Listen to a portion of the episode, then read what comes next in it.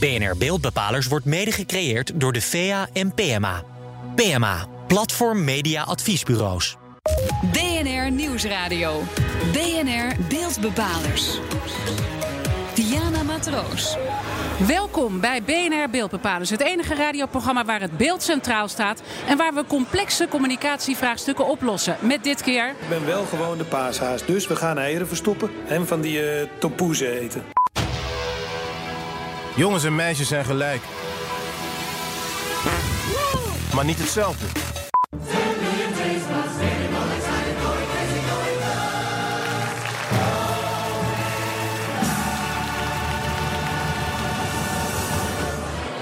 Je hoorde een paar reclames die ingezonden zijn voor een Effie Award. Een vakprijs voor de meest effectieve communicatie in meer dan 42 landen. En die effectiviteit, mensen echt bereiken met een goede boodschap, is voor bedrijven steeds lastiger geworden door de snelle ontwikkelingen van technologie. Daarover praat ik met mijn gasten van vandaag. Dick van der Lek, directeur van het reclamebureau et cetera en voorzitter van de Effie Awards. En Rick Riesebos, hij is merkendeskundige van Eurip. Welkom bij de, deze keer vanuit het Concertgebouw in Amsterdam tijdens de Effie Awards.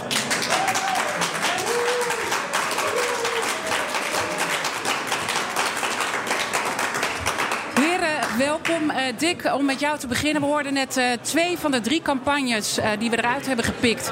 waar ongelooflijk veel kritiek op is geweest. Terwijl de Effie Awards, waar ze voor ingezonden zijn, gaat om effectiviteit. Gaat dat samen? Manieren om uh, effectiviteit te bereiken. En uh, dat kan op een hele sympathieke manier, kritiek, kritiekloos. Het kan in ieder geval niet op een manier zodat niemand je gezien of gehoord heeft. Hè. Dus ik denk dat als er veel over gesproken wordt, ook al is het kritisch, dan kan dat bijdragen aan de exposure van een uh, merk of van een product. En uh, ja, alles wat niet opvalt en waar niet over gesproken wordt, dat, dat doet sowieso niet mee met de EFI. Dus het gaat om opvallen, dat is uiteindelijk dat is, belangrijk. Nou, dat, dat, is het eerste station. En na het opvallen uh, is er natuurlijk een bepaalde vorm van likability of sympathie nodig om je uiteindelijk over te houden, zodat je converteert naar een aankoop. Uh, maar het eerste station is absoluut opvallen. We gaan het wat breder trekken als het gaat om effectiviteit en ook de technologische ontwikkelingen die we zien. Waardoor het steeds lastiger wordt voor marketeers en reclamemakers om hun werk goed te doen. Uh, je hebt een rondje gemaakt, uh, Dick, langs directeuren van de reclamebureaus. En iedereen voelt, we zitten een beetje in een spagaat. Ja, nou kijk, het begint natuurlijk niet bij onszelf, bij reclamebureaus, maar bij onze opdrachtgevers. eigenlijk, ik denk Tien jaar geleden was misschien een van onze klanten in staat van totale verandering. Vijf jaar geleden was dat de helft en nu is dat eigenlijk 100%. Al onze klanten zitten in een, uh, in een industrie die op zijn kop staat, die gedisrupt wordt. En dat heeft behoorlijke consequenties voor ons als reclamebedrijf. Wat dan? Nou, uh, de, de, bedrijven die worden vaak gedisrupt omdat er technologische uitvindingen worden gedaan. Dat er concurrenten komen. In één keer is daar uit het niets een Tesla, is er uit het niets een Airbnb of een, uh, een, een uh, wat voor bedrijf dan ook, een Uber die we net gezien hebben. En die, zal, die kan een industrie in één keer totaal veranderen. Dus je dacht dat je misschien met 50 jaar ervaring en reputatie marktleider was. En in één keer ben je die positie kwijt. Nou, dat heeft uh, uh, veel met technologie te maken. En die technologie moeten wij als bureau ook eigen worden. Om ervoor te zorgen dat al die data die er is, hè, of zijn... Uh, of het nou klantendata zijn of Facebook of Google data... dat we die kunnen verteren en kunnen omzetten in, in groei. Als we dan even naar Rick gaan. Rick, je hebt Ja. vroeger een reclamebureau gehad, maar nu adviseer je bedrijven Ja. als het gaat om hoe ze het beste merk in de eh, markt kunnen zetten. Zie jij ook dat de reclamebureaus worstelen met hun positie? Ja, absoluut. En wat je ziet is dat veel bedrijven die halen creativiteit zelf in huis. Eh, en dan ook heel vaak op innovatieprocessen. En ik weet ook uit recent onderzoek dat daar vaak niet wordt gekeken om daar reclamebureaus bij te betrekken. Terwijl denk ik reclamebureaus of communicatieadviesbureaus daar een hele goede rol zouden kunnen spelen. En wat ik net ook al aangeef, natuurlijk die techniek hè, van al die Facebook data. Van hoe moet je daar nou op inzetten? En dat vraagt eigenlijk om ook andere mensen bij reclamebureaus. Dus meer beta mensen, econometristen, statistici. Die zeg maar, met die data weten om te gaan. En zeg maar, de koppeling weten te maken ook met een stuk creativiteit. Maar dat lijkt me tegelijkertijd heel lastig als je beta en alpha mensen bij elkaar gaat zetten, Dick.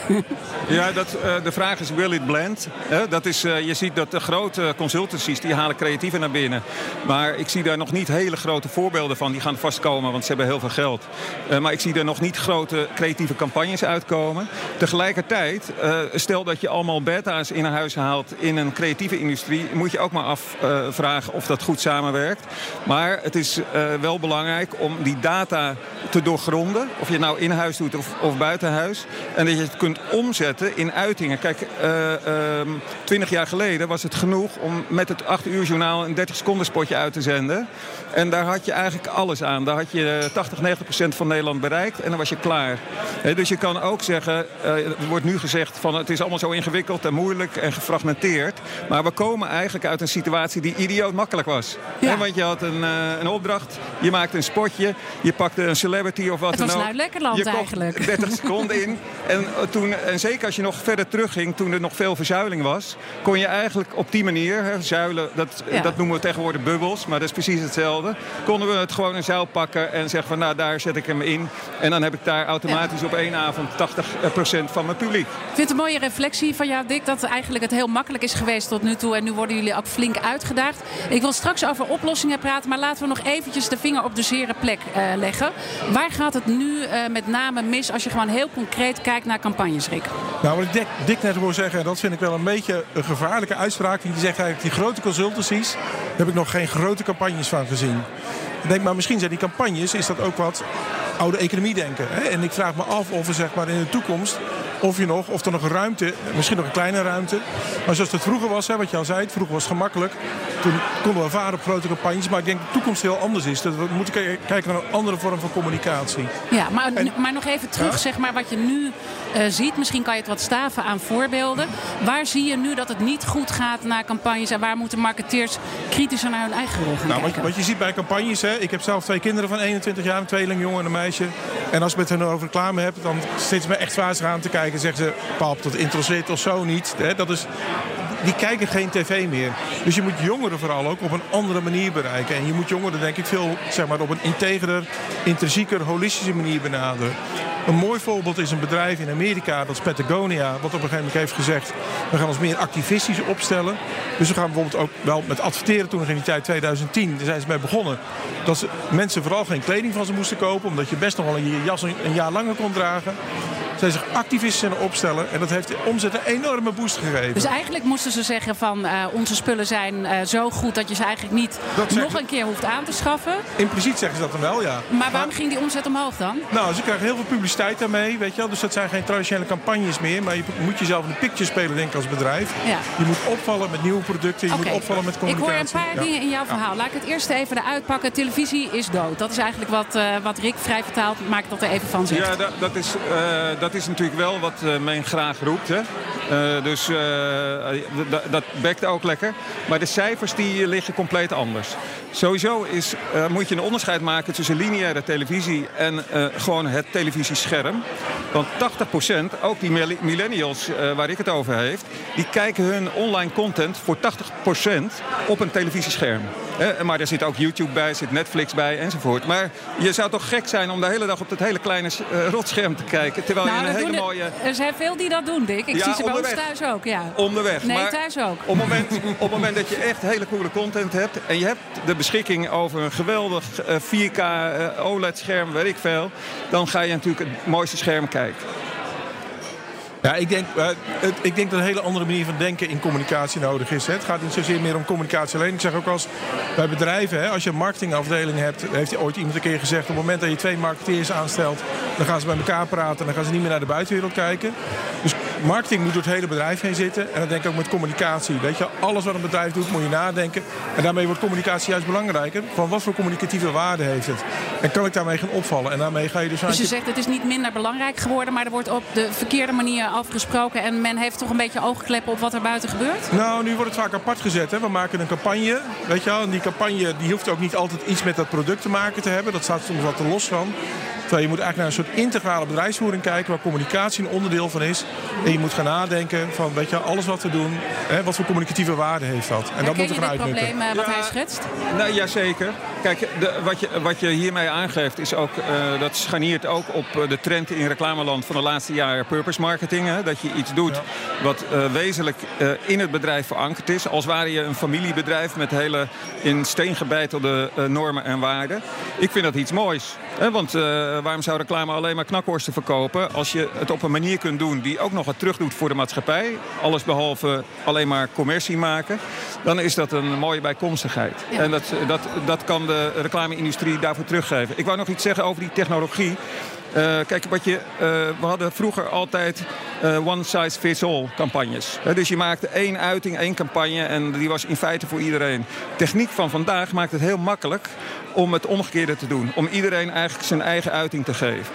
dat noemen we ook wel micromarketing. Dus je kijkt eigenlijk welke segmenten zijn er in de markt. Welke motieven zijn er om die segmenten te benaderen. De ene die zit meer op prijs, zit de ander meer op kwaliteit, zit meer op het milieu.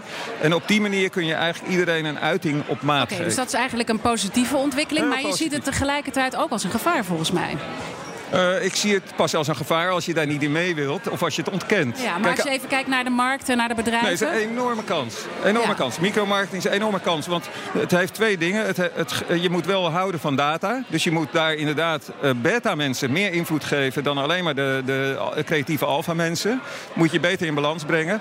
Maar op het moment dat je mensen die weten van de data, die weten van de mediakanalen, op het moment dat je die informatie eigenlijk aan creatieven geeft, dan krijg je een veel en veel effectievere output. Ja, en dat was eigenlijk ook wat jij net zei. Hè? Geef meer die beta's ook de mogelijkheid om te ja. accelereren. Ja. Wordt dat voldoende gezien door de reclamebureaus en de bedrijven die deze partijen inhuren? Nou, er zijn een aantal reclamebureaus die dat heel goed inzien, maar ook een heel aantal die dat niet goed inzien. Dus ik denk dat, daar, ja, dat, dat er toch nog heel veel reclamebureaus drijven zeg maar, op dat oude succes van vroeger. Er zit een beetje romantiek maar, in onze wereld. Maar ik, ik heb net een studenten die heeft een onderzoek gedaan. Uh, dat heeft ze weliswaar in België gedaan en gedeeltelijk volgens mij in Nederland. En wat zij ook ziet is dat zij heeft ook eens gekeken, kunnen reclamebureaus daar nog een andere rol binnen spelen binnen bedrijven? Bijvoorbeeld als het gaat om innovatie. Nou, ze heeft de innovatiebedrijven uh, uh, of uh, consultancies geïnterviewd. En eigenlijk waren ze achterom er ook opdrachtgevers. Dat die bedrijven zeggen van... jullie zitten niet bij ons op het netvlies als het daarover gaat. Weet je wel? En juist die creatieven bij reclamebureaus... die kunnen een andere blik inbrengen. Dus het speelveld is ja. denk ik groter. Alleen het is anders. En hiermee komen we ook al een beetje bij de oplossingen uit. Want we hebben natuurlijk wel beschouwd dat er wat problemen zijn als het gaat om reclamemakers en uh, marketingmensen, hoe ze naar hun vak moeten kijken. Zometeen meer de oplossingen in BNR Beeldbepalers. BNR Nieuwsradio. BNR Beeldbepalers. Welkom terug bij BNR Beeldbepalers. Dit keer hebben we het over het bereik van je reclameboodschap. En uh, voor onze commercial break hebben we al uitgebreid gekeken naar welke problemen dit kan opleveren. En ook wel hoe de markt van reclamemakers en ook de bedrijven een beetje worstelen met al die technologische ontwikkelingen. En nu zullen we meer de oplossing centraal gaan stellen. Mijn gasten van vandaag zijn Dick van der Lek, hij is directeur van reclamebureau et cetera. En voorzitter van de Effie Awards. Want we zijn vandaag in het concertgebouw waar die Effies later worden uitgereikt. En Rick Riesenbos, hij is merkendeskundige. Heren, we hebben de problemen ook al een beetje in kaart gebracht. En ook gezien dat de markt heel erg worstelt. Dick, de reclamemakers ook, dat die technologische ontwikkelingen er zijn. En dat data toch ook wel echt een kans uh, kan opleveren. Hoe zorg je er nou voor dat die magie in zo'n campagneboodschap blijft? Want dat is natuurlijk uiteindelijk ja. jullie kracht. Ja, je, je kunt je bijna een George Orwell-achtig scenario voorstellen. Waarbij uh, de computer eigenlijk alles bepaalt. Die kan zelfs vormgeving bedenken. Ze hebben in Japan hebben ze een experiment gedaan. Hebben ze de computer een opdracht gegeven, een, een, briefing. En ze hebben een creatief team een briefing gegeven. En er kwamen twee campagnes uit. En, uh, de ene die was eigenlijk progressiever van de robot dan oh ja? die van de mensen. Ja, de, die van de mensen ging over een pepermuntje. Ik zal het niet hele verhaal vertellen, maar uh, dat was heel esoterisch met Japanse tekens en grindharken enzovoorts. En de computer die, die heeft ook een associatienetwerk. En die had een, een soort hond in de ruimte gestuurd in een, in een raket voor een pepermuntje. Want die dacht van, hé, hey, uh, pepermunt, slechte adem, hond. Uh, en uh, explosie van goede smaak. Dus je ziet dat de computer eigenlijk heel erg kan helpen in het associëren. Kan de computer dan straks alles overnemen? Ik denk dat dat je vraag is. Hè? Wordt het niet te, te, te technisch? Waar is in godsnaam de, magie? Want als de computer alleen maar versie A, B, C maakt met verschillende lettertypen en kleuren, ja, dan. Maar ik denk altijd moet er gekozen worden.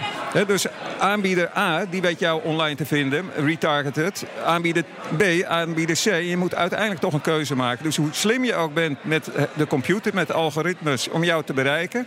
Als drie aanbieders bij jou aankomen, moet je er eentje kiezen. En dat doe je toch vaak op persoonlijkheid van het merk. Hè, voel je er thuis bij, Dus daar, sympathie. toch, daar komt dus de creativiteit En da- van mensen om de en, hoek en kijken. daar komt toch de menselijke magie om de hoek kijken. En jullie natuurlijk als eh, reclamemaker. Denk jij dat het ook zo gaat, Rick? Dat uiteindelijk eh, die computer... Dick gaf net een voorbeeld dus vanuit Japan. Dat ze twee totaal verschillende commercials maken.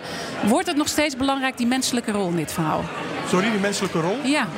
Nou, ik denk, nou, ik denk dat wat, je, eh, eh, wat ik net hoor is dat het toch nog eens een beetje op het gedachtegoed zit van eh, bijna wat ik noem esoterische campagnes maken. En ik denk dat er veel meer ruimte moet zijn, wat ik wel eens noem, er moeten visibility marketeers komen. En een visibility marketeer moet nadenken hoe zijn merk op een hele eenvoudige manier kan opvallen. En wat we nog te veel proberen is zeg maar, toch wel een complexe boodschap bij mensen over te brengen. En dat gaat dan, hè, bij, in, reclameplots gaat dat dan vaak door een, een, een, mooi plot te bedenken wat mensen aanspreekt, maar waardoor je vaak het merk niet meer weet. En ik zou er veel meer voor pleiten om merken op een simpele manier te laten opvallen met kleine dingen. En eh Barney Sharp, hè, een Australische marketingprofessor, die zegt als je niet op het netvlies valt, dan kun je ook niet worden overwogen. En wat we heel vaak vergeten is dat we zeg maar, door die mooie esoterische campagnes ook niet altijd meer op het netvlies vallen. Althans het merk niet. Oké, dus, dus ik hoor jou eh, verschillende dingen zeggen. Ja. Uiteindelijk dat we dus meer moeten opvallen bij mensen. Ja. Dat je meer in de ruimte van mensen moet zijn. Ja, absoluut. Kan je daar wat voorbeelden van geven? Ehm, nou, wat ik net zei, dat kunnen simpele boodschappen zijn. Ik vind het altijd wel mooi. Ik zie, op auto's zie ik heel veel achter op een stickertje zitten van... ik geloof dat het Koningin Julianatoren is. Zo'n geel stickertje. Ik, ik noem het vaker voorbeelden in, eh, in colleges. En dan zeggen mensen, oh ja, dat ken ik wel. En wat het dan precies is, maar het valt op, weet je wel. Dus zit ergens op je netvlies. Dat is een hele simpele sticker. Ja, maar is dat goed als je opvalt als je de boodschap niet begrijpt dan? Nou, kijk, op het moment dat je een boodschap vertelt en je weet niet meer om welk merk het gaat, een bekend voorbeeld daarvan is Centraal Beheer met campagnes. Ja, dat zijn hele mooie boodschappen, maar mensen weten dan vaak niet. Hè, ze, ze weten wel even Apeldoorn bellen, maar niet welke verzekeringsmaatschappij erop zit, achter zit. En wat in eerste instantie om gaat, is denk ik dat je merk opvalt en dat je merk zeg maar tussen je oren zit. En dan op het moment dat je daarna met een inhoudelijke boodschap wordt geconfronteerd, ben je ook veel eerder geneigd zeg maar, om die boodschap tot je te nemen. Oké. En wat denk ik heel erg helpt is context. Hè? Dus op het moment dat jij eh, reclame of producten aangeboden krijgt die helemaal niet in jouw belevingswereld passen, dan geeft dat irritatie. Ja. Op het moment dat jij gevolgd wordt hè, ehm, door een fabrikant of een productsoort, omdat je dat een keertje op Google hebt eh, ingetikt en je wordt eh, drie eh, weken daarna alleen maar overvallen door aanbieders van een roeimachine of ik zeg maar wat, is ook heel irritant. Maar als data zo slim wordt dat je op het juiste moment, op de juiste plaats, de juiste boodschap krijgt, dan is het een zegen. Ja. Dan, is, dan is het gewoon puur nuttig. Maar die boodschap kan dan ook heel eenvoudig zijn. Hè? die kan veel eenvoudiger zijn. Ja, want dat is eigenlijk wat Ja, jij eh, ja. zegt. Die boodschappen zijn eigenlijk te complex geworden. Waardoor ze heel eh, niet eigenlijk effectief bij de consument terechtkomen. Nou, ze waren vroeger al complex. Alleen in deze tijd hebben mensen veel, veel minder tijd zeg maar, om een boodschap tot zich te nemen. Dus je moet veel meer... Het, in een hele korte tijd moet je op het netvlies komen bij mensen. En je, ze moeten die naam onthouden. ja, is dat ook iets wat je herkent? Dat het eigenlijk te complex is geworden en dat we weer terug moeten naar de eenvoud? Ehm, nou, ik denk vroeger was het wat complexer, omdat je een one size fits Ja. all had. Dus je maakte één grote centraal beheerfilm om heel Nederland te bereiken en te enthousiasmeren. Eh, toen had je techniek niet om eh, mensen uit te filteren die hier met het onderwerp niks hebben. Je had ook niet techniek om te segmenteren naar mannen, vrouwen enzovoort. En die is er nu wel. Dus als je nu eh, in, een, in een micromarketingmachine reclame op maat kan eh, maken... die gevoed wordt met data van jezelf, van Facebook en van Google... dan denk ik dat er uiteindelijk een reclamevorm uit eh, ontstaat... die eenvoudig is en ongelooflijk to the point. Want hij geeft het op het juiste moment. Dus Ja. je hoeft niet meer een enorme inleiding te geven. Ja, ja. ja en maar ook offline. Hè? Dus eh, dat je zeg maar, op een eenvoudige manier soms met je merk aan bezig bent, opvalt. Waardoor in ieder geval dat merk op je, op je, op, op je netvlies Ja. komt. En het- Of het er leuker van wordt? Ja. Of het er leuker van wordt, Nee, is nog ja, de vraag. ja, Want eh, kijk, reclame is ook eh, verstrooiing. Ehm, en is ook entertaining. En eh, een, ik denk van alle advertising Ja. wordt de helft opzij geschoven van is niet voor mij of vind ik bloedirritant. Nou, en het gaat om dat je geraakt wordt. Het gaat Ja. om dat je geraakt wordt. En even niet nu je eigen reclame, maar wanneer was nou een moment dat jij echt nog geraakt werd door een reclame, eh, Dick? Dat echt gewoon die boodschap effectief bij jou binnenkwam. Ja, dat is een hele goede vraag. Daar was ik al een beetje bang voor. Kijk, ik vind uh, bijvoorbeeld uh, de kerstcommercials van de laatste jaren... daar zitten wel pareltjes tussen. Hè, van hoe families bij elkaar uh, worden gebracht... of hoe gescheiden, samengestelde gezinnen bij elkaar komen. Dat is een moment waar de emotie heel erg wordt gebruikt... om op te vallen en te beklijven. Uh, maar er zijn natuurlijk ook uh, ongelooflijk geestige campagnes die op die manier bijblijven of waar je het hebt, over hebt bij het, ja. het koffieapparaat. Is, is dat misschien nog een learning dat toch die campagnes meer maatschappelijk betrokken moeten zijn? Dat daar ook nog een winst ligt voor de makers? Ja, die, die, het is een, ontegenzeggelijk een hele grote trend. de vraag is natuurlijk wel, als we allemaal in die hoek gaan zitten, hoe kun je daar dan weer opvallen? Ja. Want alle supermarkten die nu met kerst met teerjurkers komen, ja, ik haal ze zelf al niet meer uit elkaar. Terwijl ik dat wel een beetje hoort uh, te weten vanuit de vak. Want van wie was die opa ook alweer die elk jaar zijn kinderen uitnodigde voor kerstdiner en die kwamen nooit? Hè? Want die moest uit het buitenland komen. En toen had hij op een gegeven moment een overlijdenskaart van zichzelf gestuurd. En toen kwam iedereen. Was ja, dat, dat de Edeka? Nee, dat is Edeka. Edeka, zie je Ja. Daar ga je al. Nou ja, goed. Uh, we gaan er trouwens een uh, hele uitzending over maken over de kerstcommercials. Dus dat komt okay, later leuk. nog. Uh, maar we komen nu alweer bij de conclusie van deze uitzending aan. Want wat zijn nou de gouden regels voor adverteerders, reclamemakers... om mensen te blijven boeien met hun boodschap... in combinatie met al die technologische ontwikkelingen? Dik, samenvattend? Nou, ik zou zeggen, uh, heb een beetje geduld en wees consistent. Het aanbod is gefragmenteerd, de wereld gaat zo hard. Dus op het moment dat je als reclamemaker of adverteerder... er ook heel gefragmenteerd en snel wisselend mee omgaat... dan ben je geen baken voor de consument. Dan kan die je niet onthouden. Dus... En, en gaat data omarmen, volgens mij, ja, zeg je ook. En, en uh, tuurlijk, maak gebruik van alle techniek... maar maak vervolgens een lange termijn campagne... die elk jaar weer voortbouwt op het afgelopen jaar... in plaats van dat je telkens alles weer overboord gooit. Rick? Ik denk data is enorm belangrijk. Hè. Probeer het naar binnen te trekken in je bureau. Data-analyse. En probeer ook na te denken over een andere manier van communicatieboodschappen. Ze mogen voor mij simpeler. Het gaat om opvallen. BNR Nieuwsradio. BNR Beeldbepalers. Diana Matroos. Het is alweer tijd voor de beeldbepaler van de week. En daarvoor is uh, redacteur Madelief van Haarlem bij ons aangeschoven. Vertel, wie is nu de beeldbepaler?